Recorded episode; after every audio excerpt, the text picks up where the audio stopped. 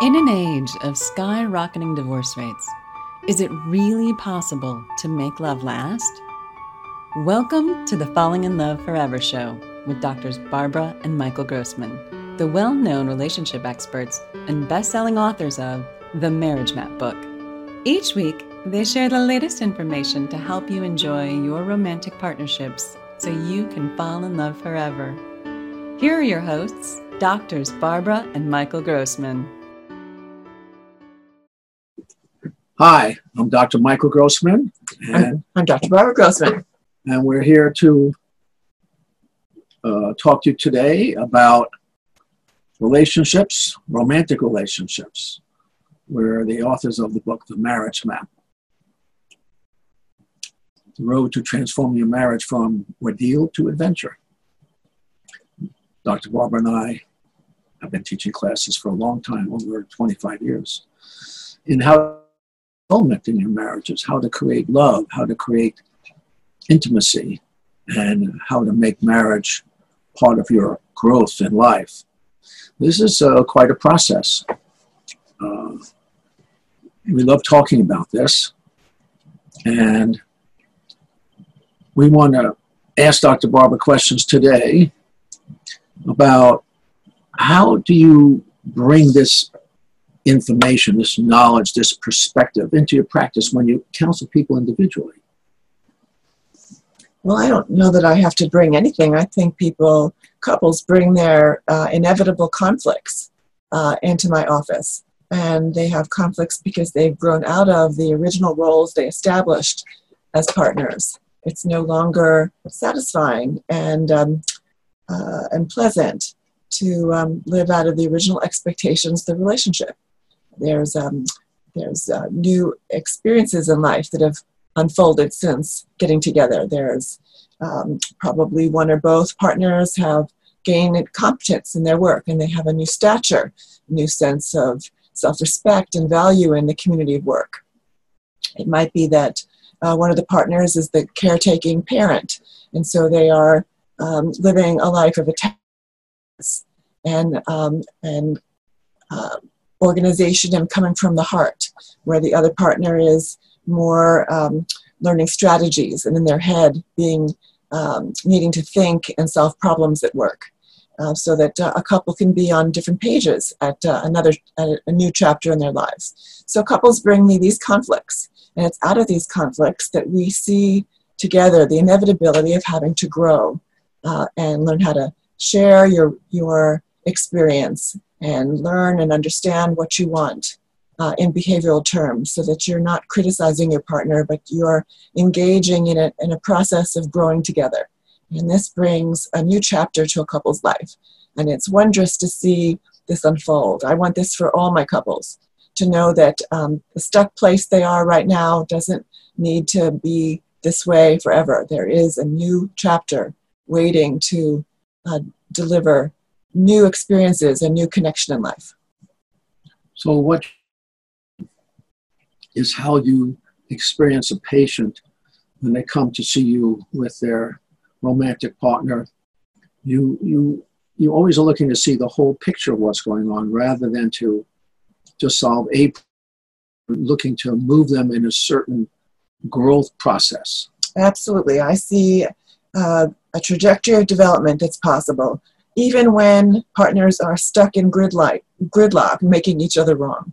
I can see what's next for them before they see what's next for themselves. So frequently, I hear experiences from your, your patients who come to see you that um, they've been to many counselors, but being with you one or two sessions has dramatically influenced them and gives them a big picture of what's going on in their life, which they didn't get from other people. Well, that's flattering, but I think the, you know, the, the growth of a couple is, is I think in the, is the heart of marriage therapy for, for good marriage therapists. And um, we look to take couples along a journey to, to learn how to partner together. Uh, I tend to be um, very direct. Um, I come from New York. I don't waste words, uh, and I um, uh, and I you know see the pain, and I you know, I do not see the necessity of staying in pain very long when um, clearly um, I can describe each partner's reality to each other and they can see how they're stuck. They can step back and see what's lacking is the ability to talk uh, in a way that partners a partner can hear and express um, uh, you know deeper needs that have not been evident before, and to uh, um, learn how to respect each other's um, personal experience and subjective reality.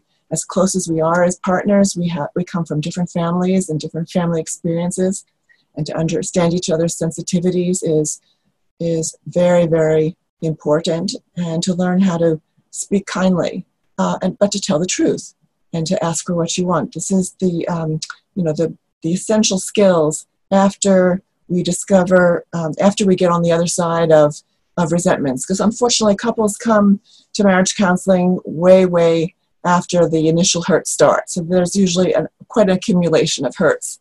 And there's um, a very usually um, negative interpretation of a partner that can that can be reorganized and the respect and appreciation of a partner can be recreated um, but it's a process, and every couple needs to know that it's inevitable. It doesn't mean something's wrong. It doesn't mean that you're not suited for each other.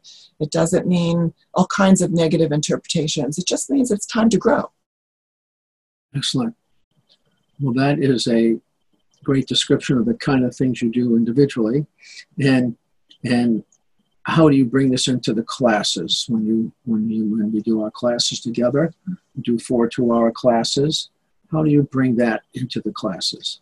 Well, I love our class. I love the class because it's so clear that um, nobody's experience, no couple's experience is unique. And we, um, when we share in the class, we talk about the inevitable stages that a couple goes through and how um, we're set up to have uh, predictable um, uh, tensions and conflicts uh, because we don't develop in the same patterns. Men and women develop, they, we reach the same markers, but not at the same timetable. And, um, and so this friction is um, expected. And, um, it, and then what's left is to, after we normalize what couples are going through, we just dig deep and we start learning how to, um, how to apply the skills that create intimacy, that create respect and appreciation, and respect understanding what each partner needs and um, it's it's a um, experience that couples feel like they're they're really on the road. This is the journey. There's it's it's un- the particulars of your life is unique, but the journey itself is a well. And um, couples are enthusiastic about taking the taking the journey together. Well, excellent. Well, thank you so much. It was a pleasure to share with our audience some of these uh, nuggets of knowledge. And we look forward to speaking to you again. And if you want to reach us, you can go to themarriagemap.com. It's our website. You can also call our office, um, 949 222 0232. And you can um, uh, look to sign up for our class and, and go to uh, fallinginloveforeversecrets.com. So a pleasure talking with you. We look forward to speaking to you again. Thanks. Thank you for watching the Falling in Love Forever show with doctors Barbara and Michael Grossman. Join us next week for another informative discussion to help you keep your love alive. Be sure to visit us at themarriagemap.com or find out about our relationship classes at fallinginloveforever.com.